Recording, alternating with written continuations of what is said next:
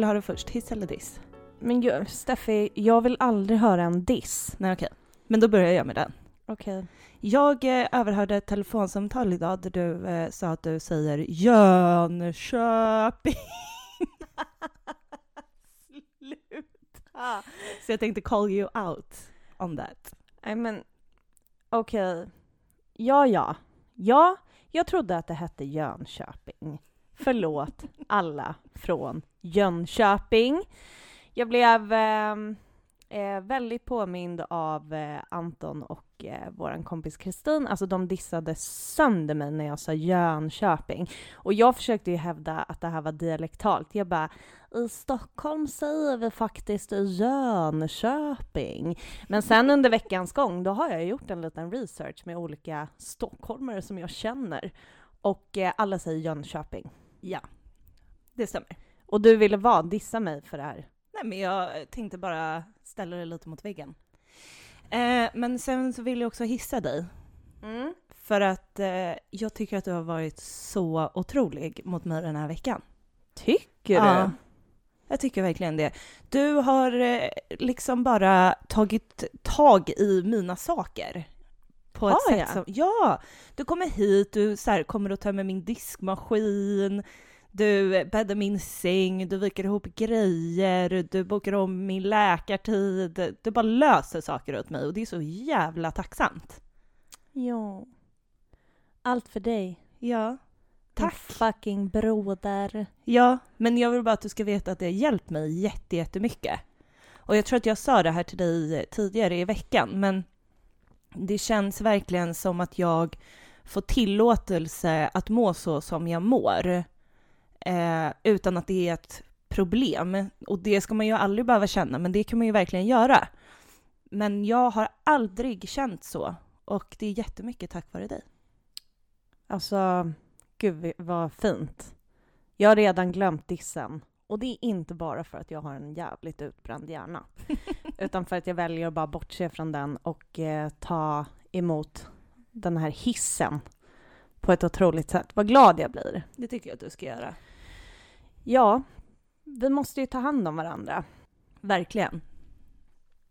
Usch, tar en klunk kaffe. Alltså jag hoppas ja, den jag där... vet. Ja, den Jag hoppas hörs. verkligen den där klunken inte hörs. Alltså i så fall så ber jag så mycket om ursäkt. Om det är någonting jag hatar så är det folk som äter i poddar. Ni kommer inte höra mig äta och smaska sönder i den här podden. Och jag vet att det är många som gör det och många som tycker att det är okej. Och jag vet ASMR är, vad heter det? ASMR. Ja, det är Eh, rätt. ASMR. Just det. Ja, och eh, jag tycker det är snuskigt. Ja. Jag tycker det är så jävla äckligt. Jag har ju problem med folk som snaskar. Smaskar! Snart, snaskarna, så fy fan, de är riktigt vidriga. Det är liksom nästan fobiläge för mig. Ja, jag vet det. Så att höra det rätt in i mitt öra, alltså nå- i en hörlur, alltså ja, jag mår så dåligt då. Och jag har så många personer i min närhet som smaskar mycket. Du vet vem du är, framförallt du som är du som är värst. Du vet vem du är. Ja, det vet hon. Ja. alltså om, jag, om det är någonting som jag liksom har blivit väldigt så här självmedveten om sen vi började med podden så är det hur mycket jag snubblar på orden hela tiden. Ja, alltså du snubblar jättemycket på orden. Och det finns en stor risk för att det kommer vara typ förstärkt idag. För att eh, jag har varit vaken sedan 04.45. för jag vaknar av att jag hör en man och en kvinna. Jag ser dem liksom inte utanför vårt sovrumsfönster, men jag hör dem väldigt, väldigt väl. För de skriker och går mot varandra och är väldigt arga på varandra. Eh, och jag bara, Aha, v- alltså vad ska jag göra? Jag kan liksom inte gå ner och typ interfera med det här för jag ser dem, jag vet inte var de är någonstans. Så jag började googla vad man gör och det är ju att man ringer 112. Ja. Så det gjorde ju jag för att eh, sån är jag, eller så här, sån är jag. Så ska man göra Ja. enligt eh, liksom SOS Alarm. Jag fick dock inte uppfattningen av att det var två personer som ville skada varandra utan jag tror mer att det var två väldigt påverkade personer. Men eh, jag kom ju in sen i sovrummet och Anton vaknar till och bara eh, går, det, typ, går det bra för dig älskling? Och jag bara, jag, jag har precis ringt 112. Och han bara, alltså typ helt så han bara va?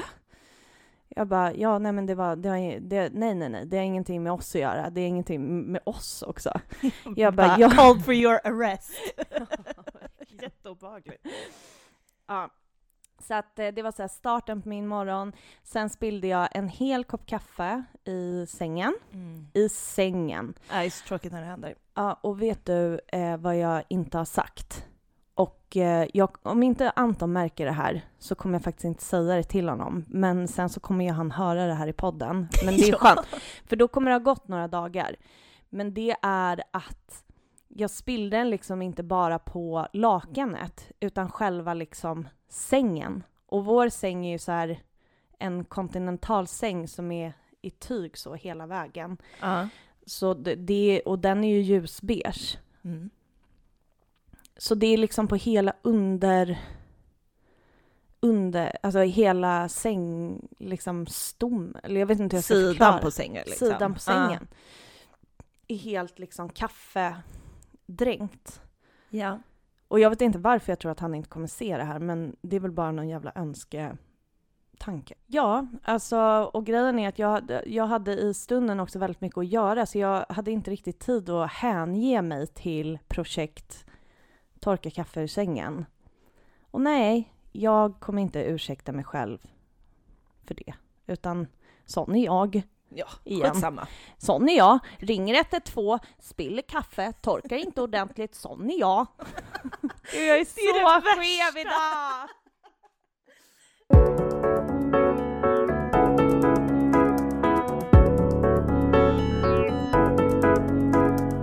Just det. Det här är Vem vill prata med en sorgsen? Jag heter Mickan. Och jag heter Steffi. Jag tycker redan att vi har kört vårt introsnack, eller jag har pratat. Gud! Kan du säga någonting? För att jag är uppenbarligen helt skev i huvudet. Eh, ja, jag märker det. Men eh, ja, det här... Eh, eh nu eh, kör vi podden. Det blev ju väldigt långt intro här, men eh, vi kan ju gå in på vad det är vi ska prata om idag. Idag så kommer vi prata om lite hur skev man blir när man har gått igenom ett trauma. Och lite vad som händer med det. Ja, alltså jag är helt övertygad om att eh, vilket trauma ni typ än har gått igenom, ni som lyssnar, så kommer ni känna igen er. Eh, vi kör. Jag vill börja prata om hur tidigare trauman kan trigga nya trauman. Jag, jag visste inte att det här var, var en grej förrän min psykolog berättade det för mig. Men eh, när jag mådde som sämst för typ ganska exakt ett år sedan så märkte jag att jag fick tillbaka väldigt mycket ja, men, triggers. Jag blev triggad på ett sätt eh, av olika saker, av olika typer av samtal, nyheter och så vidare som inte på något sätt eh, var kopplat till sorgen efter att ha förlorat Lussan, men som snarare var kopplat till ett tidigare trauma i mitt liv. När eh, jag var 19 och skulle fylla 20, bara några månader senare, så blev jag utsatt för ett eh, övergrepp, ett överfall. Och jag kommer egentligen inte gå in på det, men bara för att liksom disclaima, det, det har jag bearbetat jättemycket på massa olika sätt. Och eh, jag mår bra idag eh, och sådär. Men jag ehm, förlorade mina tre första 20 år, eller vad man ska säga. För att jag var så eh, under isen och traumatiserad kan man väl säga. Eh, och som sagt så jag, jag har mått bra och jag har gjort det i många år men i min sorgebearbetning så började jag märka att saker som inte har triggat mig på väldigt, väldigt länge helt plötsligt började kännas jobbiga. Och att, eh, ja men typ så här, vilka tankar jag låg och hade om nätterna. Och också så här, ja men andra händelser som jag varit med om, det är också så här att jag vet inte riktigt om man kan kalla det trauma på samma sätt, men det är ju traumatiskt att jag eh, också under två och ett halvt års tid var tillsammans med en person som psykiskt misshandlade mig och eh, ja, bröt ner mig totalt. Och eh, både den tiden och det här eh, övergreppet var, he, kom helt plötsligt tillbaka till mig, översköljde mig otroligt mycket på ett sätt som det inte har gjort på jätte, jätte, jättemånga år. Och det är såklart, alltså så går man också och har hela den här sorgebearbetningen som, eh, som tar upp jättemycket tanketid. Och jag förstod liksom inte varför jag helt plötsligt alltså befann mig, eh, befann mig i de här tidigare liksom, traumatiska händelserna igen. Men jag har fått lära mig att eh, ja, men trauma triggar trauma. Så att eh, förlora Lussan, det gjorde liksom att, eh, ja, men att jag fick, jo, gjorde en tillbakagång, eller vad man ska kalla det, i rehabiliteringen efter andra saker som jag har varit med om. Mm. Och anledningen till varför jag vill ta upp det, det är för att jag kände i alla fall inte till att det, att det är så. För att om man tänker liksom innan Lussan blev sjuk så levde ju jag på och tänkte att men nu har jag, jag har ju bearbetat det här och det är, inte en, det är inte ett problem för mig längre. Och helt plötsligt så blev olika saker ett problem för mig som inte har varit det på jättelänge. Till exempel så eh, var det så under en jättelång tid för mig att när jag gick hem ensam på kvällarna, det här är många år sedan, så sprang jag alltid hem. Alltså typ man hoppade av en buss liksom, så sprang jag alltid hem. Jag kunde inte gå hem.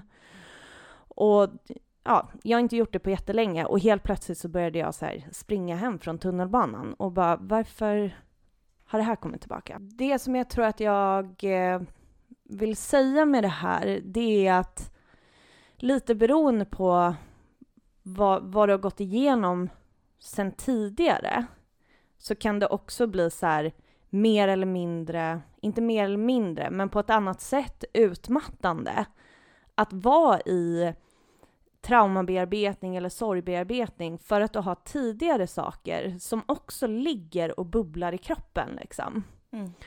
Och det tar man liksom inte på, alltså typ så hänsyn till. Inte jag i alla fall i förhållande till mig själv, för jag fattade det inte ens. Och jag tror att det bara är, jag vill typ bara säga det för att så här, jag fick lära mig att det är så. Och jag tror inte att man tänker på det och därför så tänker man att man bara håller på med den grejen som är just nu. Men man är ju alla sina händelser genom hela livet. Och det påverkar jättemycket mer än vad man tror. Mm. Men så det var för dig så att liksom efter att Lussan eh, gick bort, då kom alla de här sakerna tillbaka. Men det var först ett år senare när du eh, var med din psykolog som du förstod att det var så? Det kom inte tillbaka på en gång eller vad man ska säga, utan det tog en stund. Men det var, på, alltså, eh, det var i samma veva som jag liksom gick mer och mer mot den här kraschen som jag också eh, uppfattade att de här olika tankarna och triggerserna kom tillbaka till mig.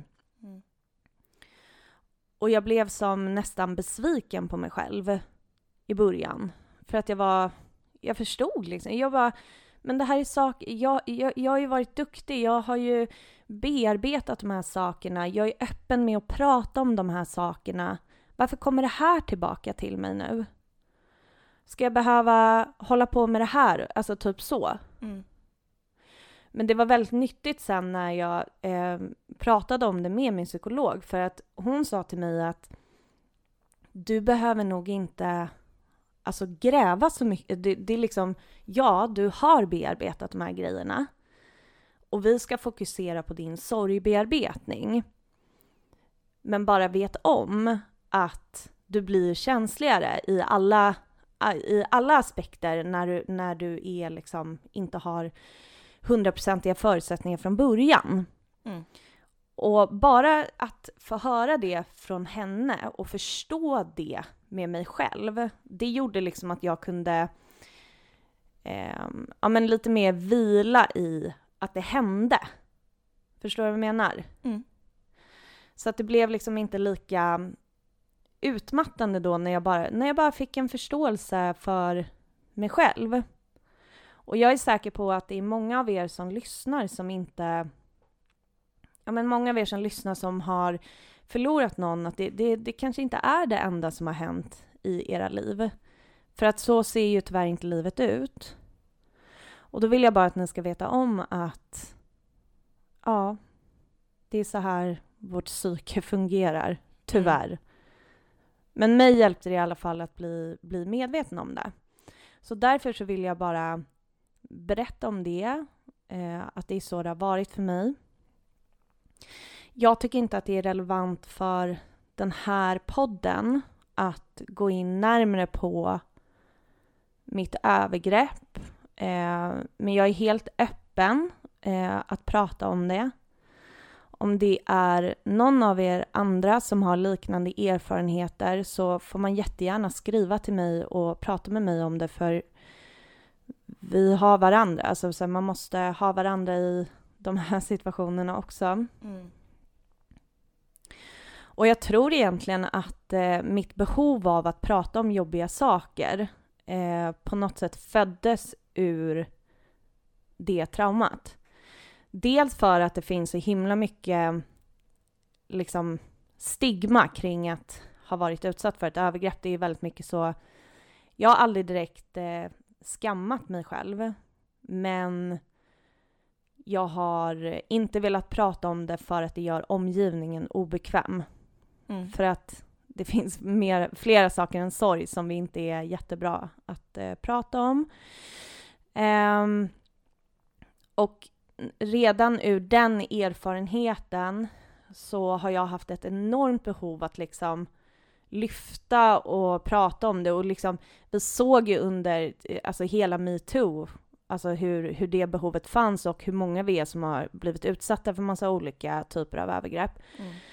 Um, och det, och sen så när vi och sen så när vi förlorade Lussan så var det som att då upplever jag samma sak igen. Att nu har jag en till sån här elefant i rummet typ, som påverkar jättemycket vem jag är och vad jag gör och vilka beslut jag tar och vad som triggar mig och så vidare, som ingen vill ta i och prata om liksom. Kanske, kanske inte går vi in på det här någon annan gång eh, på något bra sätt. Men poängen är inte själva övergreppet som jag var med om, utan det är mer att förklara att tidigare traumatiska händelser kommer hänga med som ett bihang, typ, när nya traumatiska saker uppstår. Mm. Och det är utmattande och det är bra att känna till, tycker jag. För att då förstår man sig själv bättre. Och då kan man också vara snällare mot sig själv. Mm. Well said.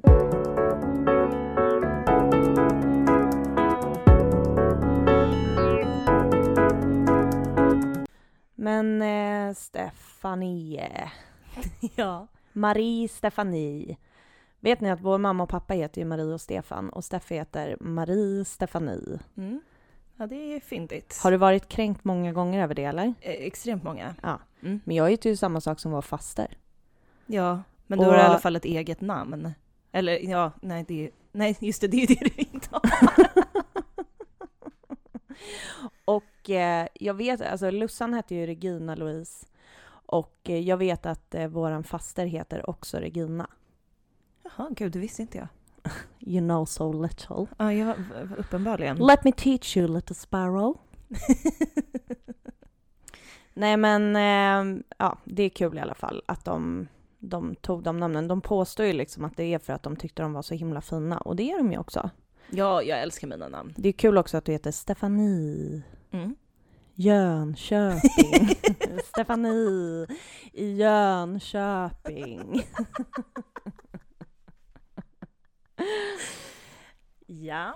ja, du ville fråga något? Ja, eller jag ville prata om någonting. Eh, och det är hur eh, ens katastroftankar är helt åt helvete när, alltså efter vi förlorade Lussan. Mm. Ja, nej men ja, och det här är ju ganska intressant ändå, för att innan Lussan ens blev sjuk så var ju jag en person som inte, jag gick inte runt med några katastroftankar överhuvudtaget. Jag var inte eh, en sån person, men jag gick inte heller in i typ en enda känsla. Liksom. Eh, klipp till nu, där jag går in i alla känslor helt plötsligt och jag har liksom den värsta katastrofhjärnan någonsin. Vad kan dina katastroftankar vara? Eh, dels ser ju om minsta lilla händer. Alltså vad som helst, om någon bara ringer. Alltså vi har ju haft några sådana tillfällen som har varit. Eh, där, eh, där telefonen ringer och eh, man får veta att någonting har hänt. Men ser det liksom, men det är ingen, alltså det är verkligen ingen fara, det här är helt normalt, det kommer inte, det kommer inte vara någon grej. Men i min hjärna så hoppar vi direkt till det värsta. Och med det här så finns det också så vissa såna här triggerord typ. Som om någon behöver åka in till sjukhus, då är min tanke så här, man kommer till ett sjukhus och då dör man. Alltså Mm. lite så. Ehm, och liksom med röntgen och all, allt sånt där som är lite triggerord från eh, liksom tiden när Lussan var sjuk, som bara är liksom kopplade till det extrema sämsta. Mm, verkligen. Alltså jag tänker till exempel på att eh, våran eh, pappa, han eh, har ju haft mycket problem med njursten. Och han har det nu också. Det har varit skitjobbigt för honom. Pappa, we feel for you. Mm.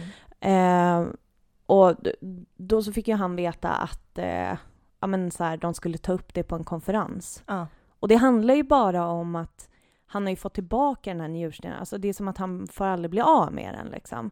Så då är det ju mest att det är olika kompetenser som ska så här, eh, titta på det och eh, prata om det för att göra det så bra som möjligt för honom. Men det är ju som att alla vi bara, nej nu ska de ta upp det på en konferens. Det är inte bra. För att det gjorde de ju med Lussans fall. Ja, Liksom. men det här är njursten. Det är Ja. någonting helt annat liksom. Ja, men i min hjärna så blir det liksom, nu är det någonting de inte säger, nu kommer vi få veta, det här är extrema, det kommer komma, alltså nu kommer det komma någon överraskning som vi inte vet. Ehm, det är liksom, det är direkt där min hjärna hamnar. Och det är också att så här, nu är vi liksom två år in i det här traumat och det här har liksom inte blivit lättare. Nej, man blir typ oroligare för varje dag som går nästan. Ja, Mm. Alltså jag har ju haft eh, väldigt mycket kanta, ka, katastroftankar. Jönköping.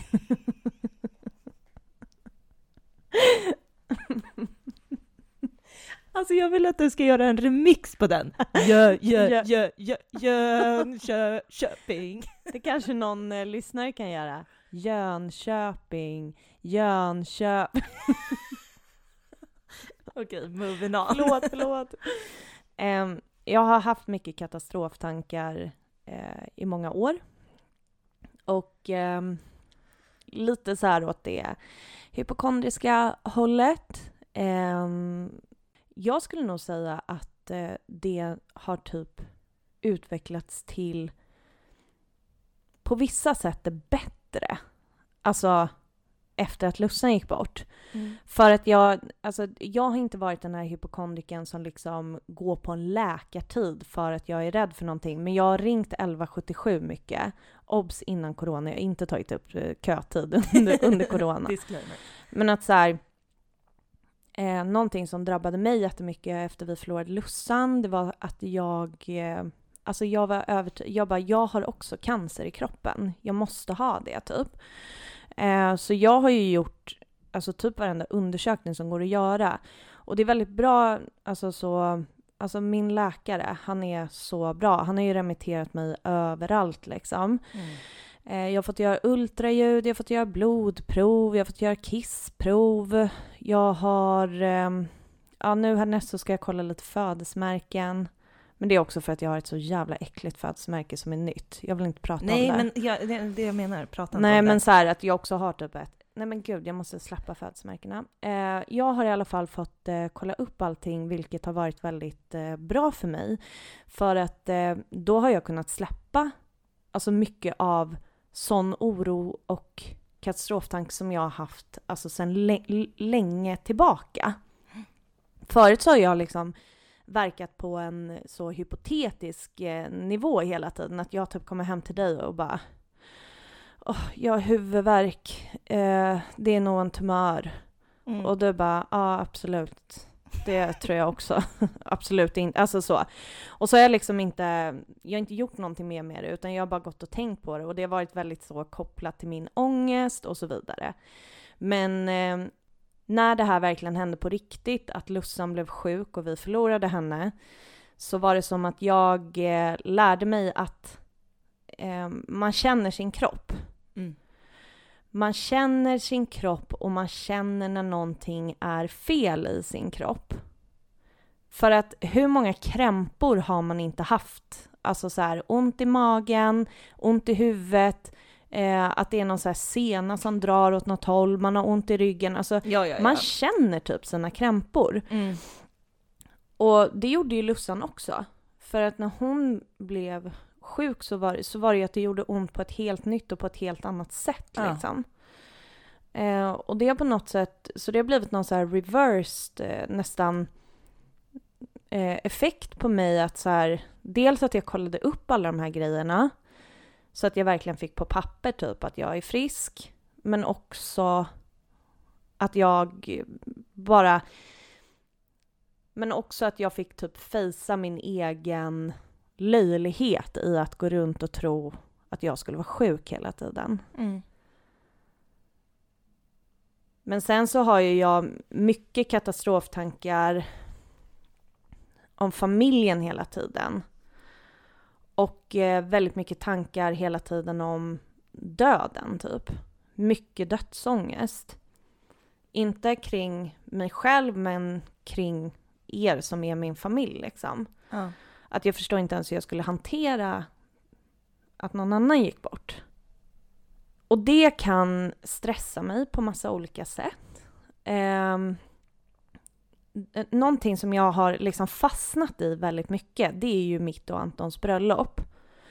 Från början så skulle jag och Anton gifta oss, eh, ja egentligen så var det ju förra året. Alltså det är lite svårt att hålla reda på för att ehm, eh, först hade vi en plan och sen så när Lussan gick bort så ändrades planen och sen så blev det corona. Alltså vi har, vi har väl skjutit om och gjort om vårt bröllop typ fem gånger. ja, något sånt. Och det där har gett mig panik för att jag, min liksom starkaste tanke och känsla är att jag måste hinna gifta mig innan någon annan i familjen går bort. Ja, fy fan.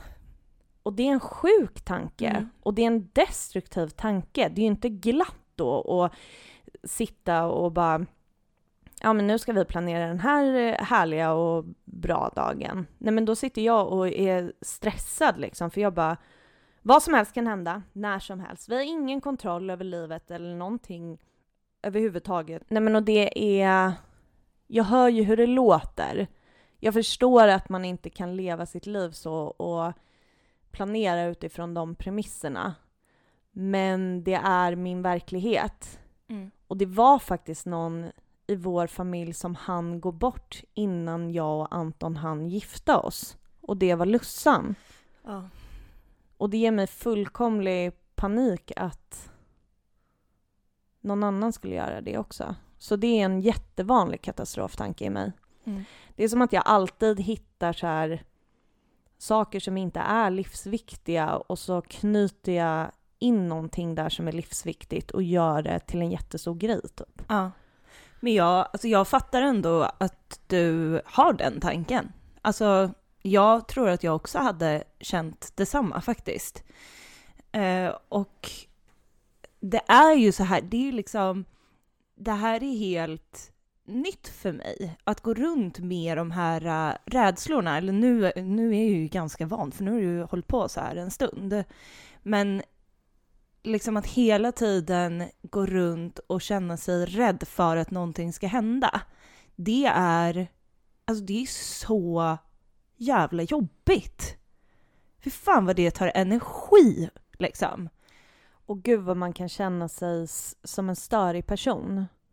Verkligen. För man projicerar ju det här på varenda människa i sin omgivning också. ja. Alltså så fort någon i min närhet, alltså det spelar ingen roll vem det är egentligen, säger någonting om en krämpa eller någonting man känner, alltså jag är så här, gå och kolla upp det. Mm. Nu. Du har ingen tid att förlora.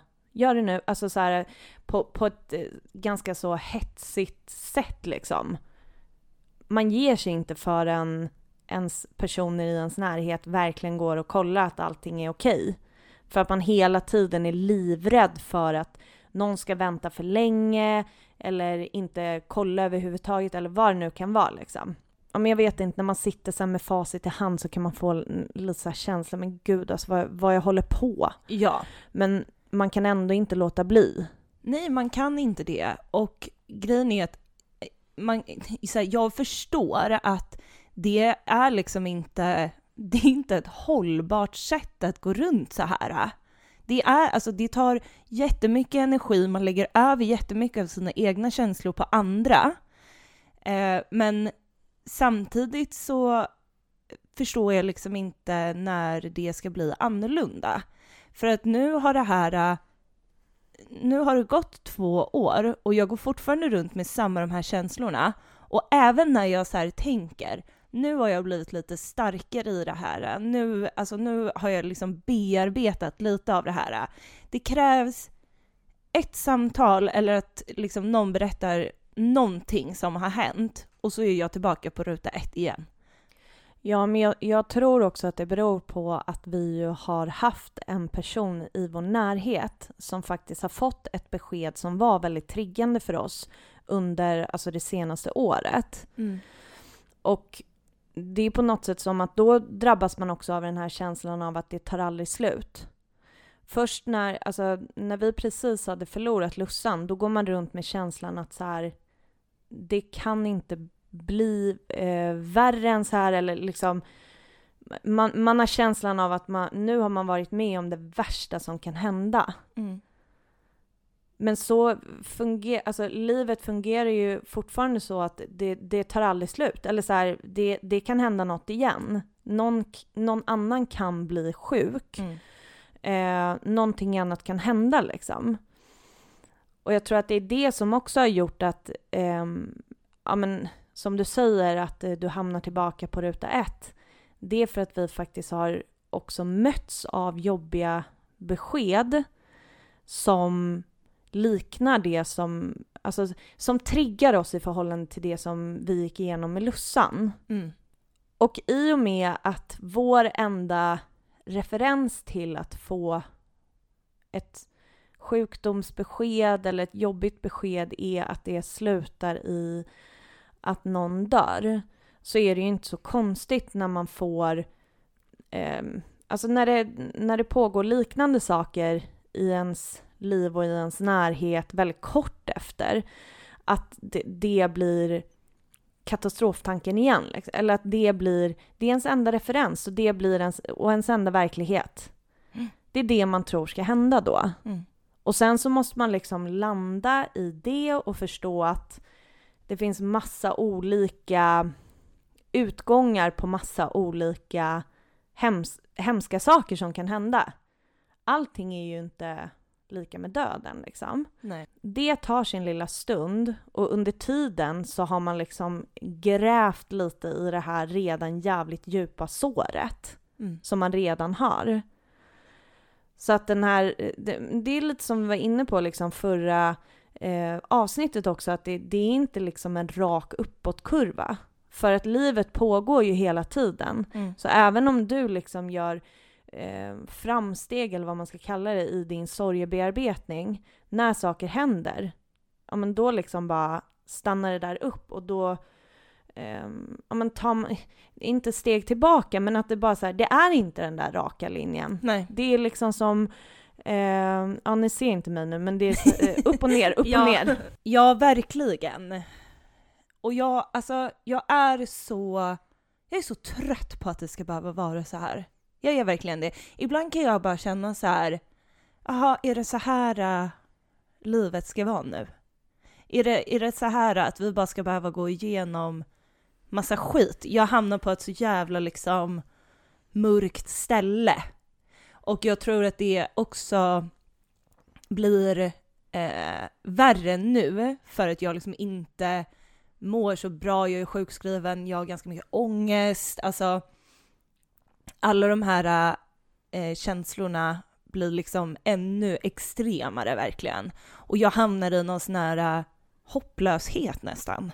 Mm.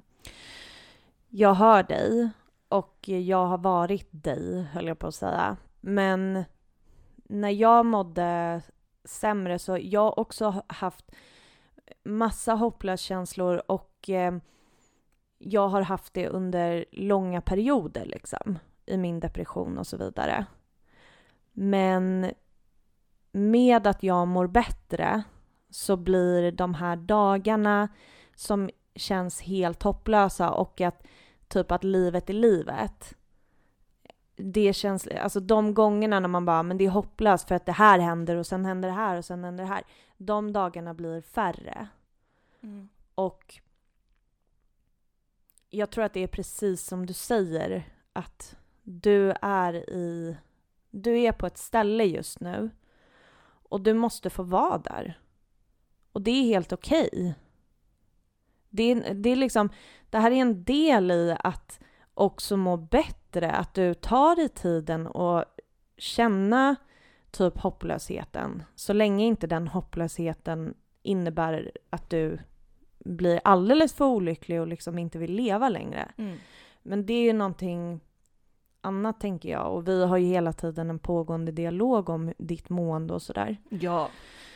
Men att annars så tycker jag så här, låt det vara så nu.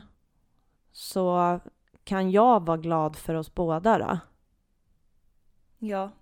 Because I'm happy now. Märker ni att det här är en person som har varit vaken sedan kvart i fem i morse? Ja, alltså jag, jag är så jobbig i det här avsnittet. Nej, du är inte det. Är jag inte? Nej, du är inte det. Du, du tror att du är det för att du är på något, i något konstigt humör, men du säger bra saker. Mm. Och jag stirrar väldigt intensivt på Ja, dig också. det gör du verkligen. Men Steffi, alltså jag, eh, jag klarar inte av att prata längre nu. Men vi, eh, vi wrap it up. Jag tror jag ser på dina ögon att du behöver det. Jag vet inte, nej men alltså dina pupiller är också jättesmå. Jag vet inte vad som Men det, pågår. det är för att jag tog kokain förut. Ah, okej. Ja. Ja. det är en sån dag idag. Mm. Mm. Obs skämt. Ja. Man måste ju vara tydlig Steffi. ja, det måste man. Ja, det är verkligen ett skämt. Jag lovar att man inte ens får små pupiller av kokain. Alltså du vet att man... Det var så ingen aning. Ingen koll överhuvudtaget. Nej. Oh well.